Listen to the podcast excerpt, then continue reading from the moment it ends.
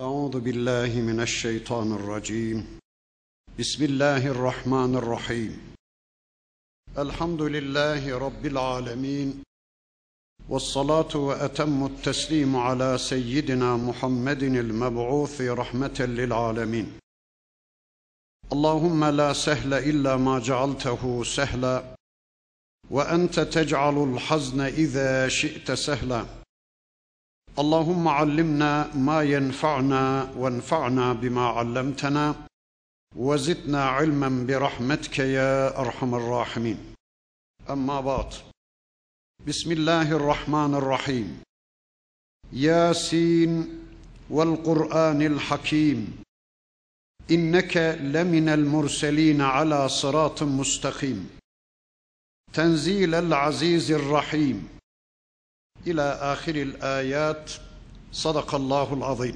Muhterem müminler, adını birinci ayeti kerimesindeki Yasin kelimesinden almış, Mekke'de nazil olmuş, tevhid, risalet ve ahiret konularını en güzel bir biçimde anlatan bir sure ile karşı karşıyayız. İnşallah bu haftadan itibaren bu sureye misafir olduk. Bakalım bize neler ikram edecek? Elimizden tutup bizi nereye oturtacak? Bizim çapımızı, bizim gramımızı, bizim konumumuzu nasıl belirleyecek? İman etmek üzere ve yarınki hayatımızı düzenlemek üzere inşallah bu sureyi okumaya başlıyoruz. Yasin suresinin faziletiyle alakalı Peygamber Efendimizin hadisleri var. Ben onlardan sadece iki tanesini inşallah okuyayım. Her şeyin bir kalbi vardır. Kur'an'ın kalbi de Yasin suresidir. Bir başka hadislerinde yine sevgili peygamberimiz ölmek üzere olan hastalarınızın başında Yasin suresini okuyun buyurur. Gerçi surelerin faziletleriyle alakalı pek çok hadis uydurulmuştur. Şu sureyi şu kadar okursanız şu kadar sevap kazanırsınız gibi surelerin faziletiyle alakalı pek çok uydurma hadis var. Hatta o hadisleri uyduranlardan bir tanesine sormuşlar neden böyle yapıyorsunuz diye de adam demiş ki insanlar hep insan kitaplarına yöneliyorlar. İnsanlar hep Rabbani'nin, Gazali'nin kitaplarını okuyorlar. Biraz da Allah'ın kitabına yönelsinler biraz da Allah'ın kitabını okusunlar diye biz bu hadisleri uyduruyoruz demiş. Niyet iyi de olsa gerçekten çok fecaat. Çünkü Peygamber Efendimizin bu konuyla alakalı hadisleri var. Onlardan bir tanesi bakın şöyledir. Men kezebe aleyye müteammiden fel yetebevve mak'adehu minen nar.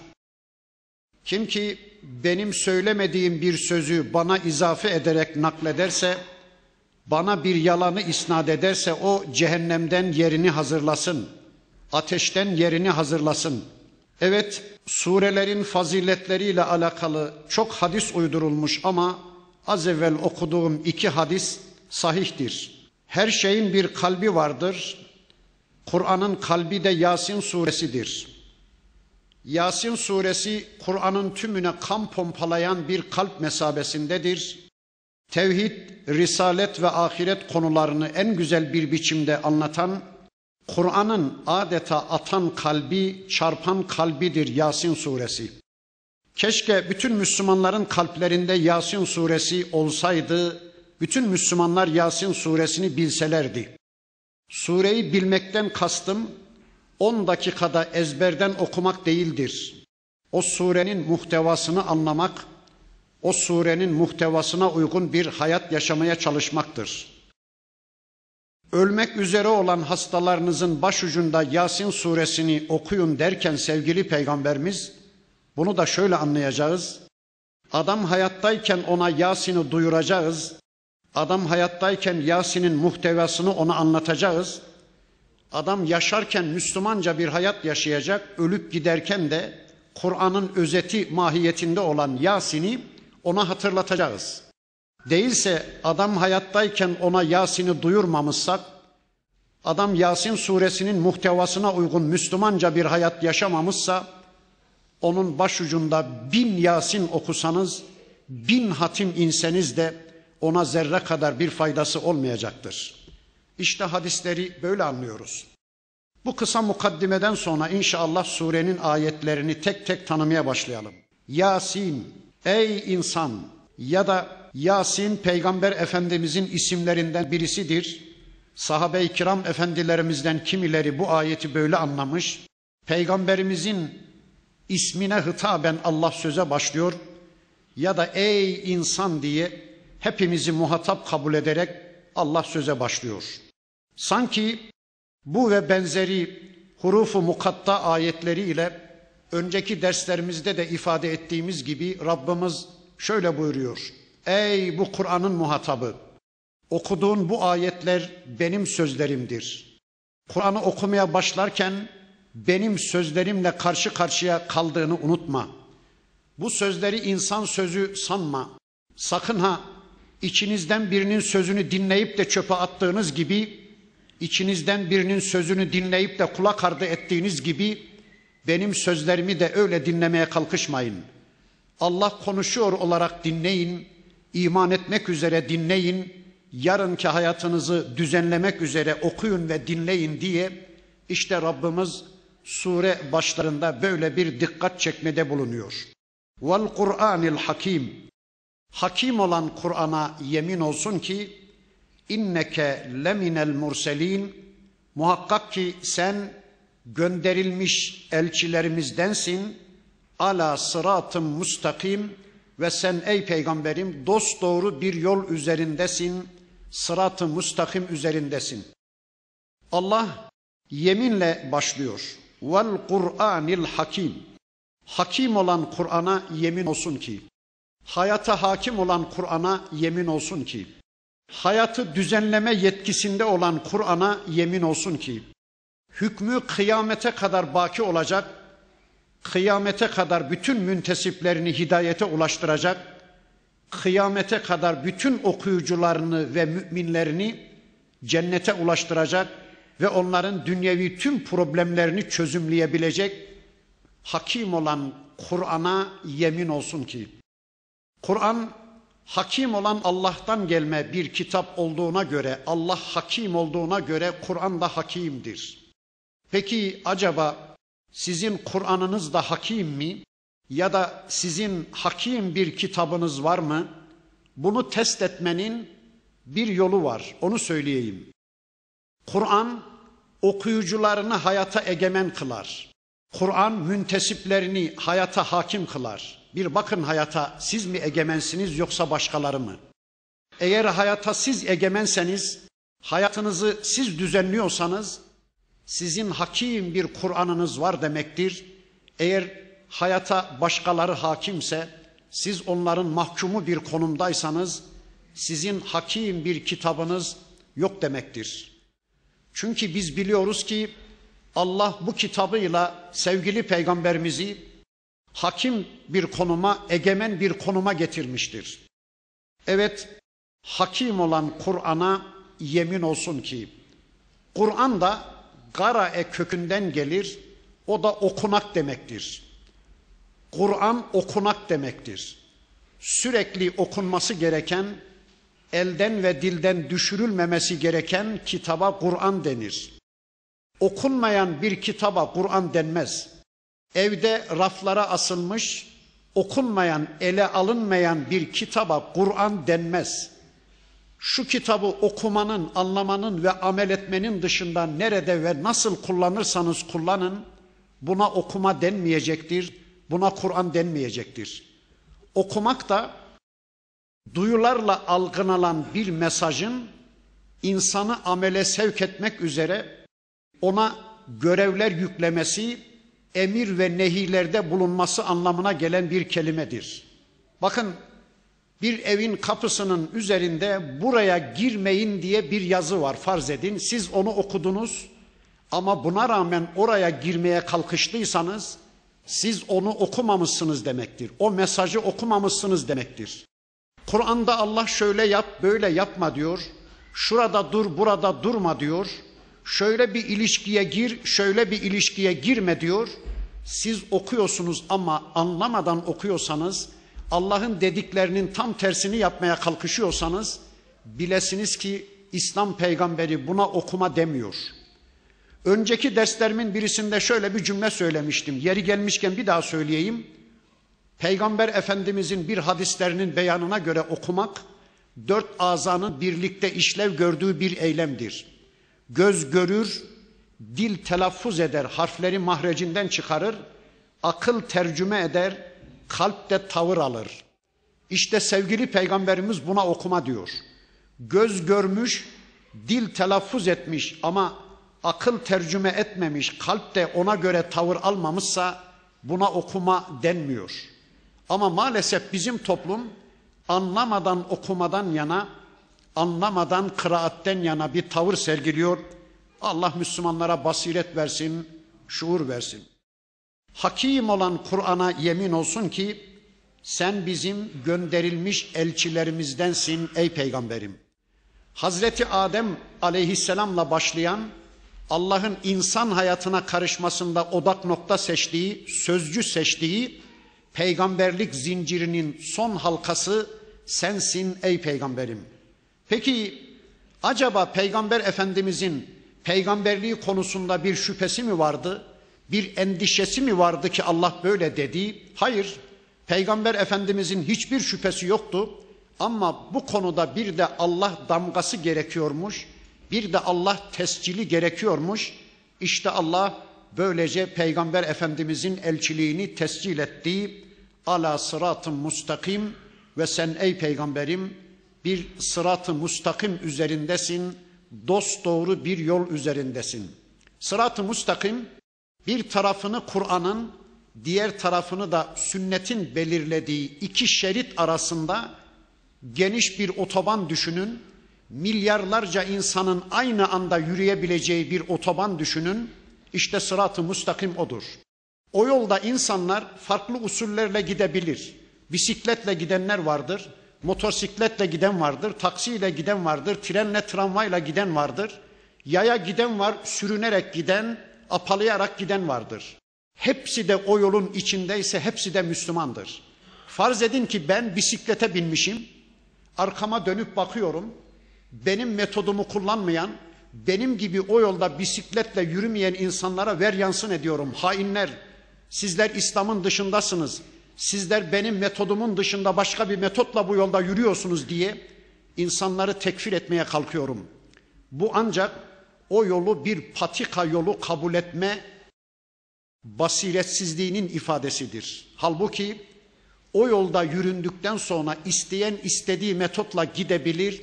Hepsi de o yolun içinde olduğu sürece sırat-ı müstakimdedir. Hepsi de kardeştir. Hazreti Adem aleyhisselamdan son peygambere kadar bütün peygamberler o yolda yürümüşler. O yolun üzerinde olmuşlar ve çevrelerindeki insanları o yola davet etmişler. Ama sevgili peygamberimizin bir hadislerinin beyanıyla o yolun ötesinde berisinde tali yollar var, sapak yollar var. O yolların her birerinin üzerinde birer şeytan durmuş. insanları o tali yollara, o sapak yollara davet ediyorlar. Eğer biz dünyada Kur'an ve sünnetin belirlediği sırat-ı mustakime girmişsek kesinlikle bilelim ki o yol bizi Allah'a götürür, o yol bizi cennete götürür. Ama yok şeytanların davet ettiği tali yollara, sapak yollara girmişsek Allah korusun o yollar da bizi cehenneme götürür.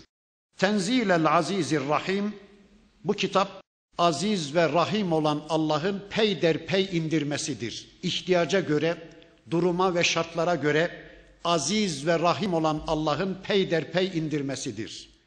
Bu kitabı ancak aziz ve rahim olan bir Allah indirebilir. Bu kitabın indirilişi konusunda sevgili peygamberimizin bile en ufak bir dahli, en ufak bir etkisi, yetkisi olmamıştır. Bu kitabı bir beşerin indirmesi, bu bilgileri bir beşerin bilmesi, bu yasaları bir beşerin koyması mümkün değildir. Allah bu kitabı rahmetinin eseri olarak indirmiştir. Bize merhametinden dolayı kullarım yeryüzünde ne yapacaklarını bilmez bir vaziyette bocalamasınlar. Nasıl yaşayacaklarını bilemez bir vaziyette el yordamıyla bir hayatın mahkumu olmasınlar diye bize rahmetinin tecellisi olarak Rabbimiz bize bu kitabını indirmiş, bizi muhatap kabul etmiş, bize şerefli bilgilerini sunmuştur. Peki niye göndermiş Allah bu kitabı?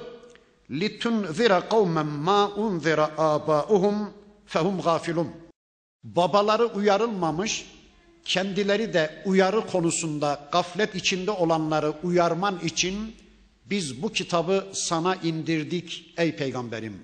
Ya İsa aleyhisselamdan sonra bir fetret dönemi yaşandı, bir daha yeryüzüne elçi gelmedi, babaları uyarılmamış dünya insanlığını kendileri de risalet konusunda, din konusunda gaflet içinde olan yeryüzü insanlığını uyarman için biz bu kitabı sana gönderdik diyor Rabbimiz.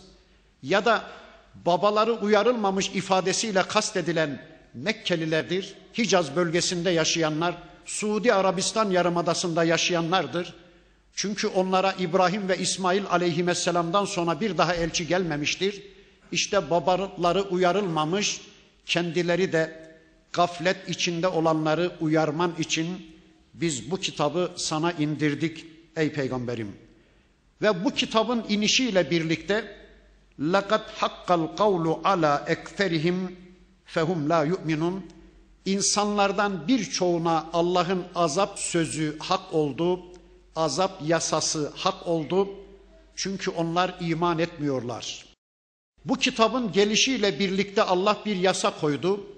Kim ki benim elçime iman eder, benim gönderdiğim son mesajıma, son çağrıma iman eder ve Müslümanca bir hayat yaşarsa ben onu cennete göndereceğim. Ama önceki elçilere kulak vermeyip son elçime de kulak vermeyenlerin de cehenneme gitmesini ben bir yasa yaptım diye bu kitabın gelişiyle birlikte Allah bir yasa koymuştur ve insanların ekserisinin iman etmeyeceğini böylece Allah ortaya koymuştur. Allah ezeli ve ebedi ilmiyle insanların ekserisinin iman etmeyeceğini ve onlar için bir azap yasasının kesinleştiğini haber veriyor. Çünkü iman etmeyenler hakkında da bakın Allah şöyle diyor. İnna cealna fi a'naqihim aglalen biz kafirlerin boyunlarına bir gıl geçirdik, bir aglal geçirdik, bir tomruk ya da demir bir halka geçirdik, bir lale geçirdik. Fehiye ilel ezgani fehum mukmahun o halka, o aglal çenelerine kadar boyunlarını tamamen kuşattı. Böylece onlar başlarını dik tutuyorlar, aşağı eğemiyorlar. Gözleri de aşağıya sarkmış bir biçimde bir vaziyete geliyorlar. Allah korusun. Kıyamet gününde onların böyle olacağı anlatılıyor bu ayeti kerimede ama dünyada da kafirler aynen böyledir. Başlarını dik tutuyorlar, Allah'a secdeye yanaşmıyorlar, Allah'a kulluğa yönelmiyorlar. İnsanlara tepeden bakıyorlar, insanları eziyorlar, insanları küçümsüyorlar, müstekbirce bir tavır takınıyorlar. وَجَعَلْنَا مِنْ بَيْنِ اَيْد۪يهِمْ سَتَّنْ ve min halfihim setten. Biz o kafirlerin önlerine bir set çektik. Önlerini göremiyorlar. Arkalarına da bir set koyduk. Arkalarını da göremiyorlar. Feagşeynahum fehum la yubsurun. Gözlerinin önüne de bir perde çektik. Görmüyorlar, göremiyorlar. Evet, kendi tercihlerinin neticesi olarak Allah onların önlerine bir set çektik diyor. Önlerini göremiyorlar. Ne var önlerinde? Bir adım önlerini göremiyorlar. Önlerinde kendilerini bekleyen tehlikeleri sezemiyorlar. Kabir var önlerinde, diriliş var, haşır var, neşir var, terazi mizan var, sırat var, cennet var, cehennem var, hesap kitap var. Ama kafirler önlerini göremiyorlar. Kendilerini bekleyen o tehlikeleri göremiyorlar, düşünemiyorlar. Arkalarına da bir set çektik diyor Allah. Arkalarıyla da irtibatları kesilmiş, tarihle de diyalogları kesilmiş. Yani geçmişlerinden ibret alamıyorlar. Ad kavmine Allah ne yaptı? Semud kavmine Allah ne yaptı? Önceki toplumlar Allah'ı inkar ettiler. Allah'ın elçilerini reddettiler de onlar nasıl Allah'ın helak yasasının mahkumu oldular? Zerre kadar bunu da düşünemiyorlar. Ne arkalarını düşünebiliyorlar ne de önleriyle alakalı bir tedbirleri var. Sanki dünya onların boyunlarına öyle bir tasma olarak geçirilmiş ki aman diyorlar dünya, dünyayı kıble edinmişler. Aman diyorlar para, aman diyorlar kadın, aman diyorlar içki, aman diyorlar diploma, aman diyorlar makam, aman diyorlar arabanın bir modeli daha, aman diyorlar koltuk, aman diyorlar alkış, aman diyorlar şöhret. Bunların peşinde bir ömür koştururlarken önlerini de göremiyorlar.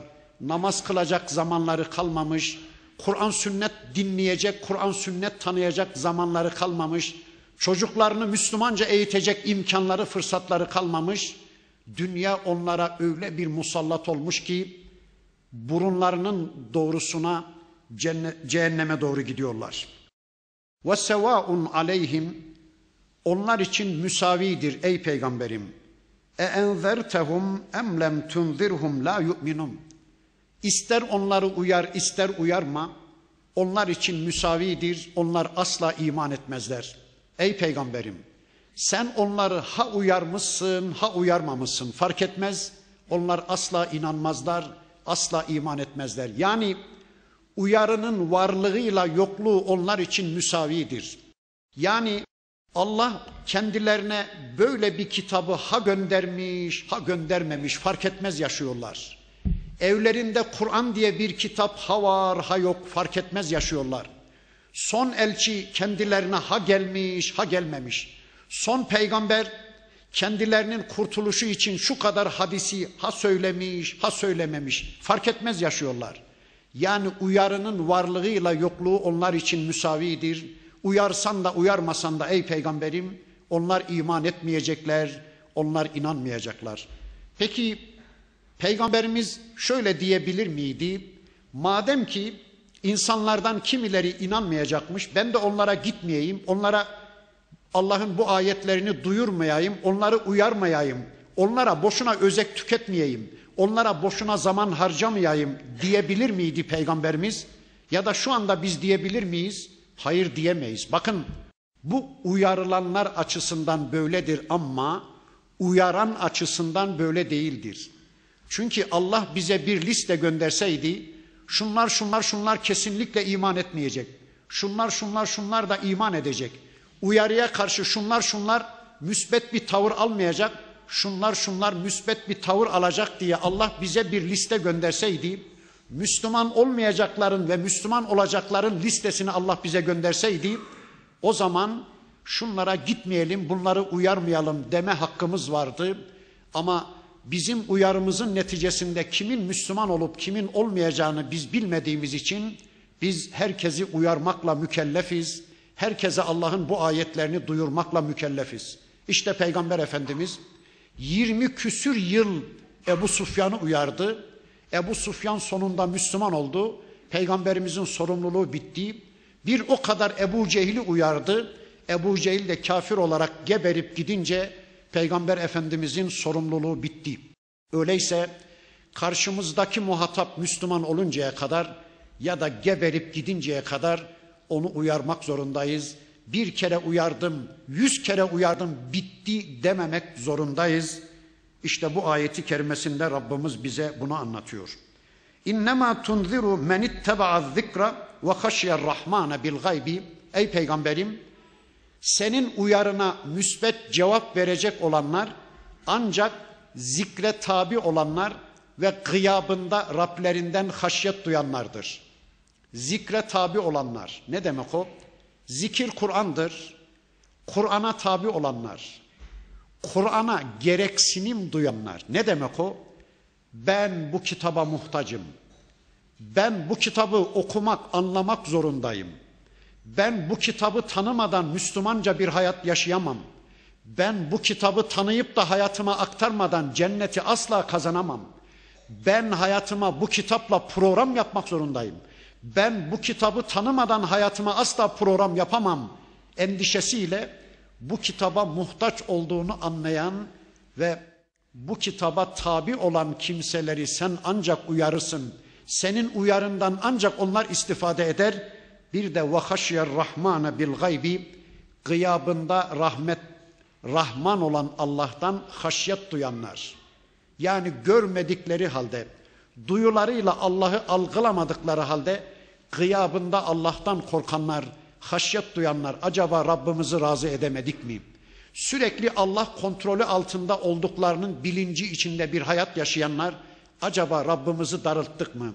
Acaba Rabbimizi razı edecek ameller işleyemedik mi diye sürekli bir endişe yaşayan insanlar senin uyarından ancak istifade ederler ey peygamberim.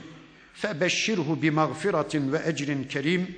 Sen böylelerine bir mağfiret müjdele ve de kerim bir ücret müjdele, büyük bir ecir müjdele ey peygamberim. İnna nahnu nuhyil mevta. Bakın yukarıdaki ayete bir açılım getirdi Rabbimiz. Muhakkak ki ölüleri biz diriltiriz. Ölüleri biz diriltiriz. Ey peygamberim, karşındaki insanların dirilişinden endişe mi duymaya başladın, ümit kesmeye mi başladın? Sakın ümit kesme. O ölüyse bile biz onu diriltiriz. Biz onu beceririz. Yani onda bir hayır görürsek, onda bir devinim görürsek, onda bir hareket görürsek, bir de senin çabanı görürsek, senin gayretini görürsek, biz istersek ölü zannettiğini diriltiriz dünyada ey peygamberim. Biz diriltiriz. Kimseden ümit kesme.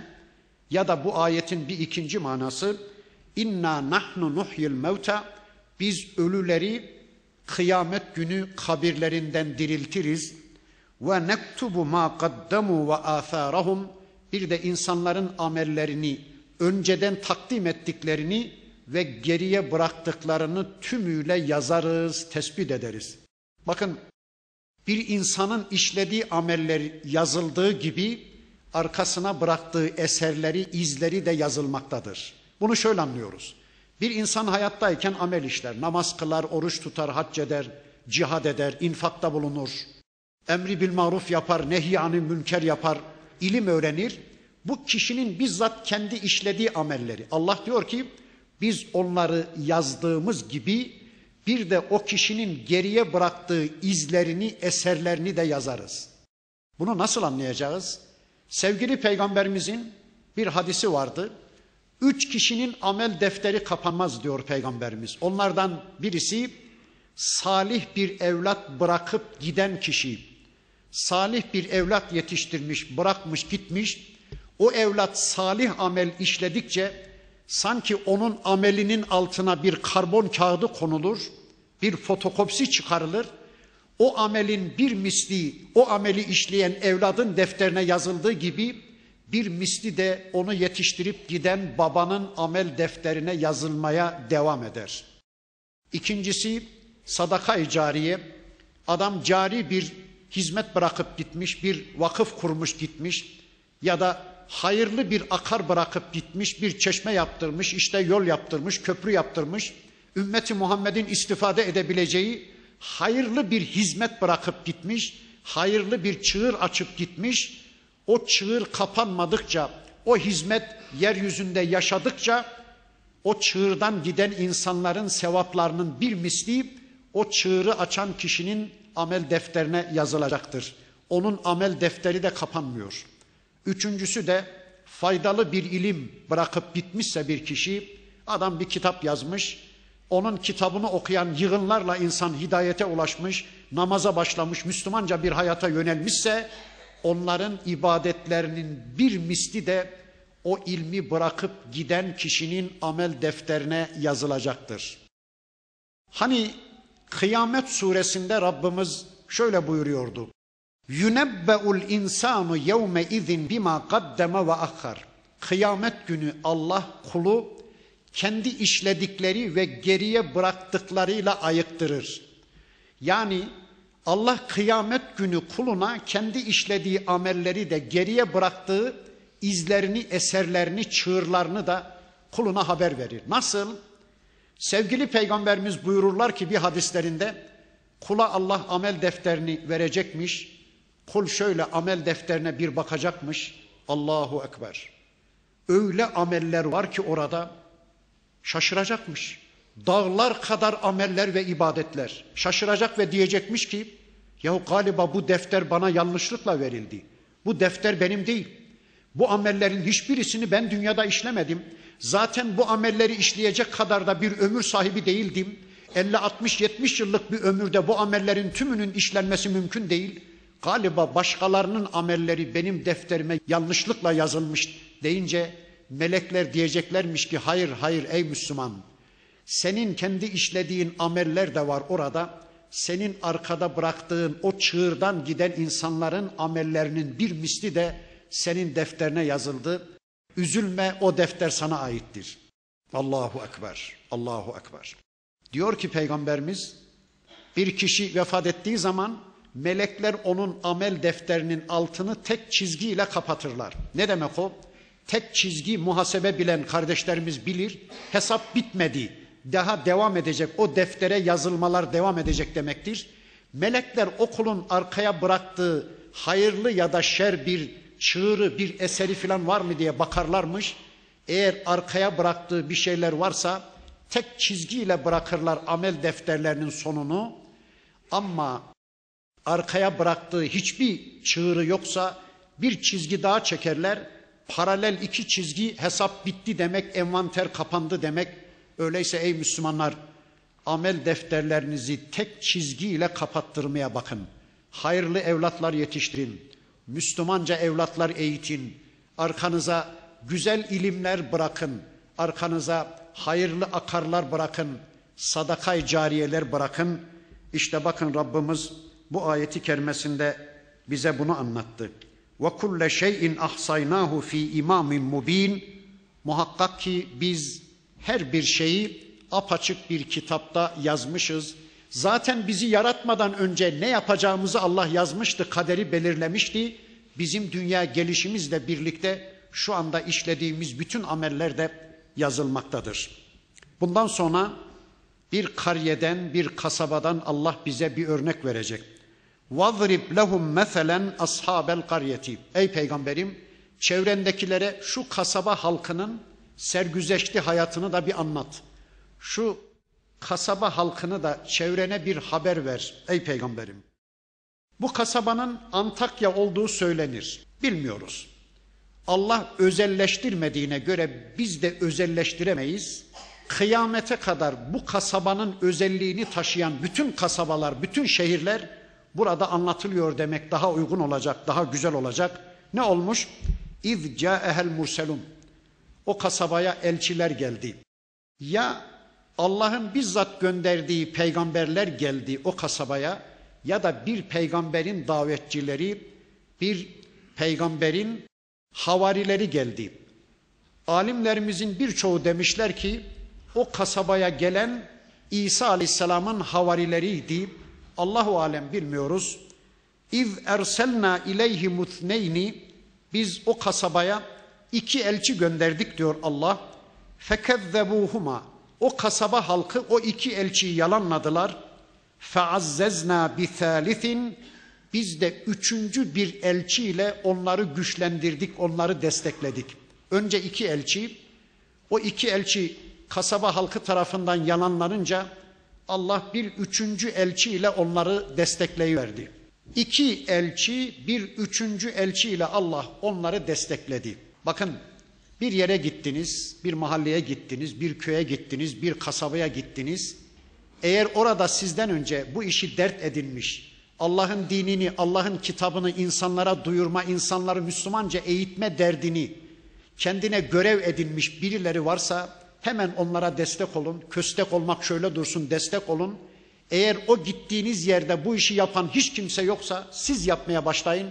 Allah size yardımcılar gönderecektir. Allah size destekler gönderecektir. O elçiler fakalu dediler ki inna ileykum murselun. Gittikleri o kasabaya dediler ki kasaba halkına biz size Allah tarafından gönderilmiş elçileriz. Böylece kendi konumlarını bir ortaya koydular. Şunu demek istediler. Biz kendiliğimizden gelmiş değiliz. Kendi planlarımızla, kendi projelerimizle gelmiş değiliz. Bizi Allah gönderdi. Ey insanlar, bizi dinlerken Allah'ı dinlediğinizin farkına varın. Bizi kabullendiğinizde Allah'ı kabullendiğinizin, bizi reddettiğiniz, bizi yalanladığınız zaman Allah'ı yalanladığınızın farkına varın dediler. O toplumu Allah'a imana, Allah'a kulluğa davet ettiler. Peki toplum ne dedi? Kalu ma entum illa beşerun misluna. Dedi ki toplum, yahu sizler de bizim gibi birer beşersiniz. Sizler de bizim gibi ölümlü, aciz birer kulsunuz, birer beşersiniz. Ne olacakmış? Bir melek elçi gelmeliymiş. Allah bir insanı elçi göndermezmiş. Bir melek elçi gelmeliymiş. Halbuki Allah kitabının bir başka suresinde şöyle buyurur. Yeryüzünde gezip dolaşanlar eğer melek olsaydı onlara melek elçi gönderilirdi. Yeryüzünde gezip dolaşanlar insan olduğuna göre insana insan elçi gönderilir, meleğe melek elçi gönderilir. Bakın şu mantığa bakın.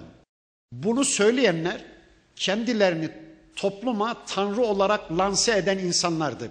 Ya da toplumda insanları tanrılaştırmış kimselerdi bunlar. Yani egemen biziz, egemenlik falanlardadır, filanlardadır. Bu topluma yasa koyma yetkisi filanlardadır, falanlardadır diyen bir toplum. Bakın müşrik felsefeye göre insandan tanrı olabiliyor ama insandan peygamber olamıyor. Şu mantığa bakın. İnsandan tanrı olabiliyor ama insandan peygamber olamıyor. Şu mantığa bakın yani. Diyorlar ki siz de bizim gibi birer beşersiniz. وَمَا أَنْزَلَ الرَّحْمَانُ مِنْ شَيْءٍ Ve Rahman da bir şey indirmedi. Rahman'ın böyle bir adeti yoktur. Bakın toplum güya Rahman olan Allah'a inandığını ihsas ettirmek istiyorlar. Diyorlar ki biz Rahman'ı severiz, biz Allah'a inanırız. Severiz, sayarız ama olduğu yerde dursun, bizim hayatımıza karışmasın. Bizim keyfimizi kaçıracak emirlerde bulunmasın. Bize zor gelecek tekliflerde bulunmasın. Cihat gibi, namaz gibi, oruç gibi. Bir de bizim alışık olduğumuz içki gibi, dışkı gibi, fışkı gibi şeyleri bize yasaklamasın, bizim keyfimizi kaçırmasın. Yani o Allah bizim hayatımıza karışmaz. Allah vahiy göndermez. Allah yeryüzünde elçi seçmez. İn entum illa tekzibun. Siz yalancının tekisiniz dediler. Allah'ın üç elçisini de yalanladılar. Peki elçiler ne dedi? Kalu Rabbuna ya'lemu inna ileykum lemurselun. Dediler ki Allah biliyor ki biz onun elçileriyiz. Allah şahit ki biz peygamberleriz. Sizin ne dediğinizi biz anlamıyoruz. Melek gönderirdi, işte vahiy indirmezdi, hayata karışmazdı. Bir şeyler söylüyorsunuz. E buyurun elçiye zeval yoktur. Buyurun bir derdiniz varsa şikayetinizi Allah'a yapın. Yani yargılayacaksanız Allah'ı yargılayın. Sorgulayacaksanız Allah'ı sorgulayın. Elçiye zeval olmaz. Biz Allah'ın elçileriyiz. Allah şahit ki bizi size o gönderdi. Ve ma aleyna illa'l belagul mubin ve bize de ancak apaçık bir tebliğ düşer. Biz Allah'tan aldığımız ayetleri size ulaştırırız. Gerisini bilmeyiz. İster kabul edersiniz, ister kabul etmezsiniz. Sonucuna bizzat kendiniz katlanmak kaydı şartıyla ister kabul edin, ister kabul etmeyin. Biz zorla sizi Müslüman yapamayız. Biz zorla sizin beyinlerinize İslam'ı zerk edemeyiz. Zorla sizin kalplerinize İslam İslam'ı yerleştiremeyiz. Bizim böyle bir gücümüz de yok, böyle bir yetkimiz de, böyle bir sorumluluğumuz da yoktur. Biz size tebliğ ederiz. İster inanırsınız, ister inanmazsınız. Elçiler görevlerini yaptılar. Fakat En'am suresinin beyanıyla söyleyecek olursak Allah bir topluma elçi gönderdi mi o topluma aynı anda belalar, musibetler, kıtlıklar, sel felaketleri, depremler filan da göndermeye başlayıveriyor. Niye? O toplumun kalbi yumuşasın da bizim peygamberlerimizi inkar etmesinler diye. Kendi acizliklerini anlasınlar da bize kulluğa yönelsinler diye o toplumu Allah sıkıştırıyor. Bunu En'am suresi anlatılıyor. O topluma da Allah ne gönderdiyse bilmiyoruz. Bakın gelenlerden bıkmışlar, usanmışlar da diyorlar ki kalu inna tetayyarna bikum. Diyorlar ki peygamberlere siz bizim için uğursuzluk sebebi oldunuz. Biz sizinle uğursuzlaştık. Uğursuzluğa uğradık. Siz yokken işlerimiz tıkırındaydı. Siz yokken keyfimiz yerindeydi. Siz geldiniz başımıza belalar yağmaya başladı. Siz bizim için uğursuzluk sebebi oldunuz. Bakın tarih içinde kafirler tüm başarılarını kendilerinden bilmişler. tüm başarısızlıklarının faturasını da Müslümanlara kesmişlerdir. Tarih boyunca bu hep böyle olmuştur. Bugün de öyle değil mi? Ne diyorlar? Şu Müslümanlar olmasaydı biz çağ atlamıştık. Şu namaz, şu oruç, şu başörtüsü problemleri olmasaydı biz şimdiye aya çıkmıştık, Merih'e çıkmıştık. Bizim geri kalışımızın sebebi Kur'an'dır. Bizim geri kalışımızın sebebi şu örümcek kafalı Müslümanlardır. Onlar olmasaydı biz şimdiye kadar muasır medeniyetler seviyesine çıkmıştık. İşte çağ atlamıştık filan diyorlar ya. Sormak lazım. Yahu 70 yıldır şu Kur'an bu ülkede uygulanmıyor. 70 yıldır İslam yasaları bu ülkede hüküm ferma değil. Bıraktınız Kur'an'ı, devre dışı bıraktınız İslam'ı. Batıdan bir kısım yasalar getirdiniz. E hani 70 yıldır niye ilerleyemediniz? 70 yıldır niye çağ atlayamadınız? Kim engelliyor? Hadi dün Kur'an'ı sebep gösteriyordunuz. Bizim engellememize sebep İslam'dır diyordunuz. Müslümanlardır, namazdır, oruçtur, başörtüsüdür diyordunuz. Hani sizin eteğinizden tutup aşağı çeken birileri mi var? Bakın tarih boyunca kafirler başarılarını hep kendilerinden bilmişler. Uğursuzluklarını, başarısızlıklarını hep Müslümanlardan bilmişler. Bakın diyorlar ki le in lem tentehu ey peygamberler şu görevinize bir son vermezseniz yani gece gündüz bizi uyarıp durmanıza bir son vermezseniz bize Allah'tan, bize ahiretten, bize cennetten, cehennemden bahsetmekten bir vazgeçmezseniz çünkü siz bunlardan bahsettikçe bizim iştahımız kaçıyor, yiyeceğimiz naneleri rahat yiyemez hale geliyoruz. Şu Allah'tan, dinden, hesaptan, kitaptan, cennetten, cehennemden bahse bir son vermezseniz lenercumennekum yeminle söylüyoruz ki sizi taşlayacağız, öldüreceğiz. Ve le yemessennekum minna azabun elim ve bizden size dayanılmaz bir azap ulaşacak. İşte kafirin yapacağı bu. Asmak, kesmek, kodese tıkmak, derisini yüzmek, susturmak, ağzına bir bant yapıştırmak, etkisiz hale getirmek. Kafirden bundan başkası beklenmez ki. Peki onların bu sözlerine karşı peygamberler ne dedi? Galu tairukum ma'akum. Ey toplum, sizin uğursuzluğunuz kendi yanınızdadır. Sizin kaderiniz kendi yanınızdadır. Sizin uğursuzluğunuz kafanızın içindedir. Sizin uğursuzluğunuz uyguladığınız İslam dışı sistemlerdedir. Bakın, uğursuzluğunuzu kendi sistemlerinizde arayın. Uğursuzluğunuzu kendi müşrik kafalarınızda, kafir kafalarınızda arayın.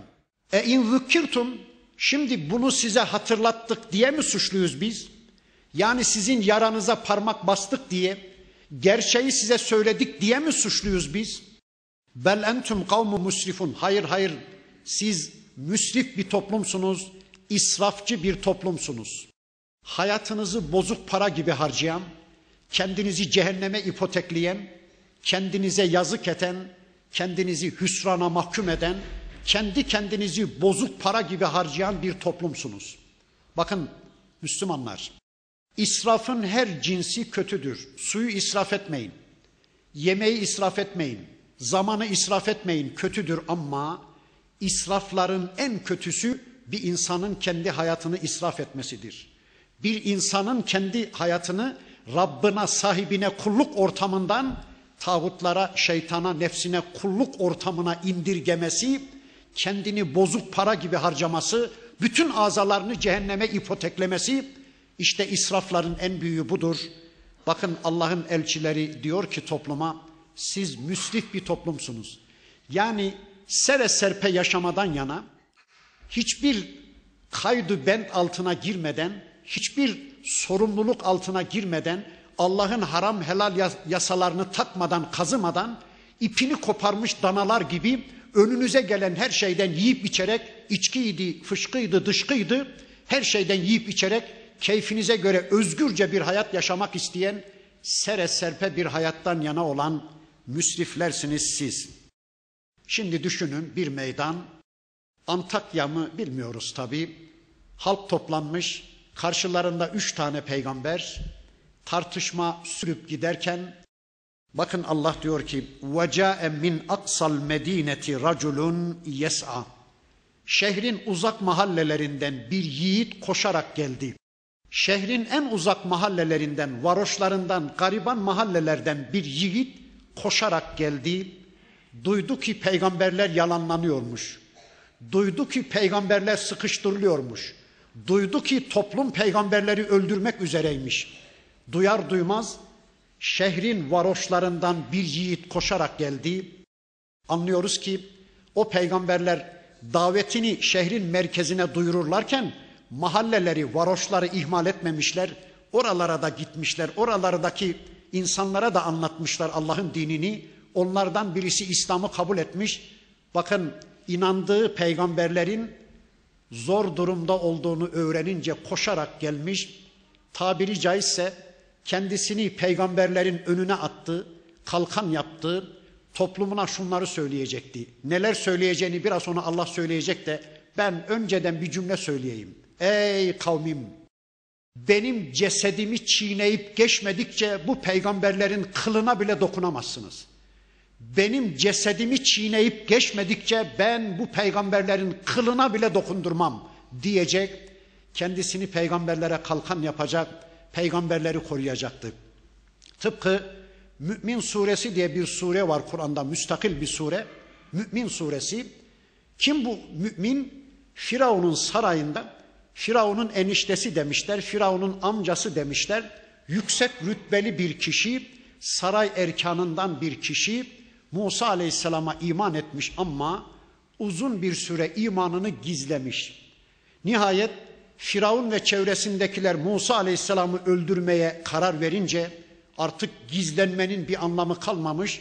O mümin kişi kendisini ileri atmış. Musa Aleyhisselam'ın önüne kendisini kalkan yapmış. Ağır olun bakalım demiş. Ağır ol ey Firavun. Ben de iman ettim. Ben de bu Musa'ya ve onun Rabbına iman ettim. Benim cesedimi çiğneyip geçmedikçe bu peygamberin Musa'nın kılına bile dokunamazsınız diye imanını haykırı vermiş. Sonunda şehit edilmişti. Tıpkı onun gibi bakın o yiğit de geldi. Kale dedi ki ya kavmi ittebi'ul murselin. Ey kavmim. Sanki çok enteresan. Üç peygamber şurada, toplum da şurada. Toplumun safına geçiyor dinlesinler diye.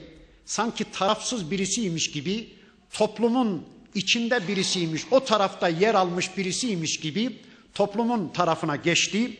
Bakın dedi ki ey kavmim ittebi'ul murselim şu elçilere ittiba edin. Şu elçileri dinleyin. Bu elçilere itaat edin. İttebi'u men la yes'elukum ecran ve hum muhtedun. Sizden hiçbir ücret istemeyen, yaptıkları bu tebliğin karşılığında sizin ceplerinize el atmayan, ceplerinize göz dikmeyen, sizden hiçbir ücret istemeyen ve hum muhtedun bir de üstelik kendileri hidayette olan yani sizden ne istemişlerse kendileri de bizzat onu yaşayan size namaz kılın mı diyor kendileri bizzat namazı kılan size oruç tutun mu diyorlar kendileri bizzat oruç tutan şu Allah elçilerini dinleyin.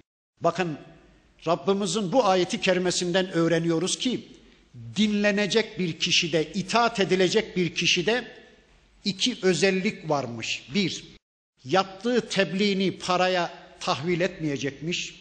İki ayet anlatırım ama bir çay ikram ederseniz, ben size iki hadis anlatırım ama bana bir baklava ikram ederseniz, hadi ben size din anlattım, pamuk eller ceplerinize demeyecekmiş.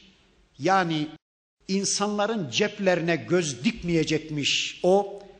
İkincisi insanlara ne söylüyorsa bizzat kendisi de yaşayacakmış. İnsanlara ilim farz mı diyor kendisi ilim öğrenecek. İnsanlara namaz farz mı diyor kendisi de bizzat namazı kılan birisiymiş. Bakın o mümin kişi diyor ki bu iki özellik sahibi olan şu peygamberlere itaat edin. Sonra devam ediyor sözleri. Sanki tarafsız birisiymiş gibi konuşuyor önce. Diyor ki: "Ve ma liye la a'budu allazi fatarani." Bana ne oluyor ki benim yaratıcım olan Allah'a kulluk etmeyecekmişim? Bakın kendi üzerinden örnek veriyor. Toplumu suçlamıyor. Dinlesinler, akılları başlarına gelsin diye. Diyor ki bana ne oluyor ki ben benim yaratıcıma kulluk etmeyecekmişim? Ve ileyhi turcaun. Üstelik sonunda dönüş de onadır. Hepimiz ona döneceğiz. Sonunda onun değer yargılarına boyun bükeceğiz. Bana ne oluyor ki böyle bir Allah'a kulluk etmeyeyim? E ettehidu min dunihi aliheten. Şimdi ben böyle bir Allah'ı bırakıp da onun dışında onun berisinde bir kısım ilahlar mı edineyim? İn yuridni rahmanu bi durrin la tugni anni şefaatuhum şey'en ve la yunqidun. Allah'ı bırakıp da onun dışında bir kısım yapay tanrılara ibadet etsem, Rahman olan Allah da bana bir azap göndermeyi dilese, mesela beni öldürse, şu tapınılan varlıkların şefaatinin zerre kadar bana bir faydası olur mu? Allah'tan gelebilecek bir belayı onlar benden def edebilirler mi? İnni izen lefi dalalim mubin. Eğer ben böyle yaparsam gerçekten apaçık bir sapıklığın içine düşmüş olurum dedi. Böylece tarafsız bir kişiymiş gibi sanki toplumun safındaymış, o peygamberleri hiç tanımıyormuş gibi toplumunu uyardı ama olmadı. Toplum ikna olmadı. Gözler kızardı, dudaklar şişti, eller çoktan kılıçlara gitmişti, eller çoktan kargılara, mızraklara gitmişti. Artık şehit olacağını anlamıştı. Toplumun gazaplandığını görmüştü. Ağzından son bir cümle daha çıktı. Bakın dedi ki: "İnni amentu bi rabbikum fesmaun." Ben sizin Rabbinize iman ettim. Ben sizin de benim de Rabbimiz olan Allah'a iman ettim. Fesmeun, duyun beni, dinleyin beni. İmanını öyle bir haykırdı ki sadece kendi kasabasına değil bütün kasabalara, sadece kendi çağına değil bütün çağlara, kıyamete kadar bütün çağlara imanını öyle bir ilan etti, öyle bir haykırdı ki dedi ki duyun ben de inandım o elçilere. Duyun ben de inandım Rabbinize. Ya da Karşısındaki üç peygambere söylüyordu bunu. Ey Allah'ın elçileri siz şahit olun ben sizin Rabbinize inandım. Sizin getirdiğiniz davete ben icabet ettim. Sizin getirdiğiniz hidayet hediyesine ben iman ettim. Ne olur beni dinleyin de yarın Rabbimizin huzurunda bana şefaatte bulunun. Bana şahit olun diye sanki onlara imanını duyuruyordu ya da bir kelime-i şehadet getirdi son anda şehit olacağını anlamıştı. Üzerine çullandılar. Mızraklarıyla, kargılarıyla oracıkta o atsız, sansız kahramanı şehit ettiler. Sözü bitti. Belki daha çok şeyler söyleyecekti ama küfrün buna tahammülü yoktu. Kafirlerin o Müslümanın varlığına asla tahammülleri yoktu. Yahu bir kişi inanmış toplumdan bırakın inansın demez kafir. Çünkü bilir ki kafir o bir yarın bin olur. O bir yarın milyon olur. Bunu bilir kafir ya da o bir tek müminin varlığı kendilerinin kafirliğini açığa çıkarır. Öyle değil mi? Bir toplumda bir tek başörtülü kızcağızın varlığı diğerlerinin açıklığını ortaya koymaz mı? Bir toplumda rüşvet yemeyen bir tek Müslümanın varlığı rüşvetçilerin rüşvetçiliğini açığa çıkarmaz mı? Bir toplumda bir tek Müslümanın varlığı diğerlerinin küfrünü açığa çıkaracağı için o bir tek Müslümanın varlığına tahammülleri yoktur. Şehit ettiler Müslümanı. Peki Allah ne dedi? Ya bakın bundan sonrasını Allah anlatıyor. Kıyle duhulil cenne. Dendi ki ona haydi gir cennete. Allahu Ekber. Ona haydi gir cennete dendi. Bu ayetten anlıyoruz ki şehit ruhunu teslim eder etmez direkt cennete gidiyor. Allahu Ekber. Allahu Ekber. Ona dendi ki gir cennete. Girdi cennete. Onun ağzından bakın Allah cennetteki bir sözünü de bize şöylece aktarıyor. Kale dedi ki ya leyte kavmi ya'lemun. Keşke şu kavmin bir bilseydi. Keşke şu müşrik toplumun bir bilseydi. Neyi? Bima gafara li rabbi.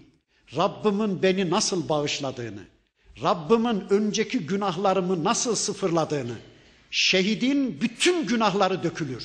Şehidin bütün günahları sıfırlanır.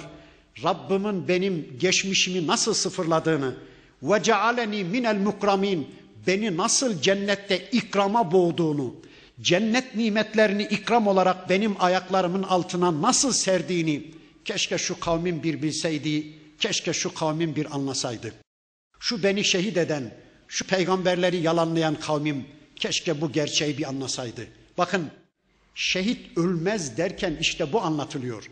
Şu anda hiçbir radyonun, hiçbir yayın organının sunamayacağı netlikte bir mesajı kıyamete kadar bütün nesillere aktarıyor. Şehitler ölmez. Bakın ölmemiş aramızda. Ölmüş ama aramızdan ayrılmış ama hala ölüleri diriltmeye devam ediyor. Hala uyuyanları uyandırmaya devam ediyor. İşte şehitler ölmez derken bunu anlıyoruz. Burada bir soru sorayım. Farz edin ki eğer orası ise Antakya'da siz de o kalabalığın içindesiniz. Peygamberler karşıda göz ucuyla durumu tarassut ediyorsunuz. O mümin kişinin o tavrı sonunda ne dersiniz? Şuna bak be enayi be pisi pisine öldü be. Ulan kendini biraz saklasan olmaz mıydı? Biraz siyasi davransan olmaz mıydı? Adam ne güzel laflar ediyordu aklı başında gibiydi ama hiç aklı yokmuş herifin be. Pisi pisine öldü gitti. İnsan bir tedbir alır ya. Daha güzel ameller işleyebilirdi. Gelecekte daha güzel güzel ameller işleyince ne olacaktı? Cennete. E, gitti zaten cennete ya. İşte gitti. Daha ne bekliyorsunuz? Gitti işte cennete. Evet toplum o yiğidi öldürdü. Ayet devam edecek. O toplumun başına neler gelecek? O toplum nasıl Allah'ın bir helak yasasının mahkumu olacak? İnşallah o bölümü de önümüzdeki haftaya bırakalım, burada kalalım. Önümüzdeki hafta kaldığımız yerden surenin öteki ayetlerini tanımak için tekrar bir araya gelmek üzere Allah'a emanet olun. Subhaneke Allahumma ve bihamdik. Eşhedü en la ilahe illa ente estağfiruke ve etubu ileyk. Velhamdülillahi Rabbil alemin.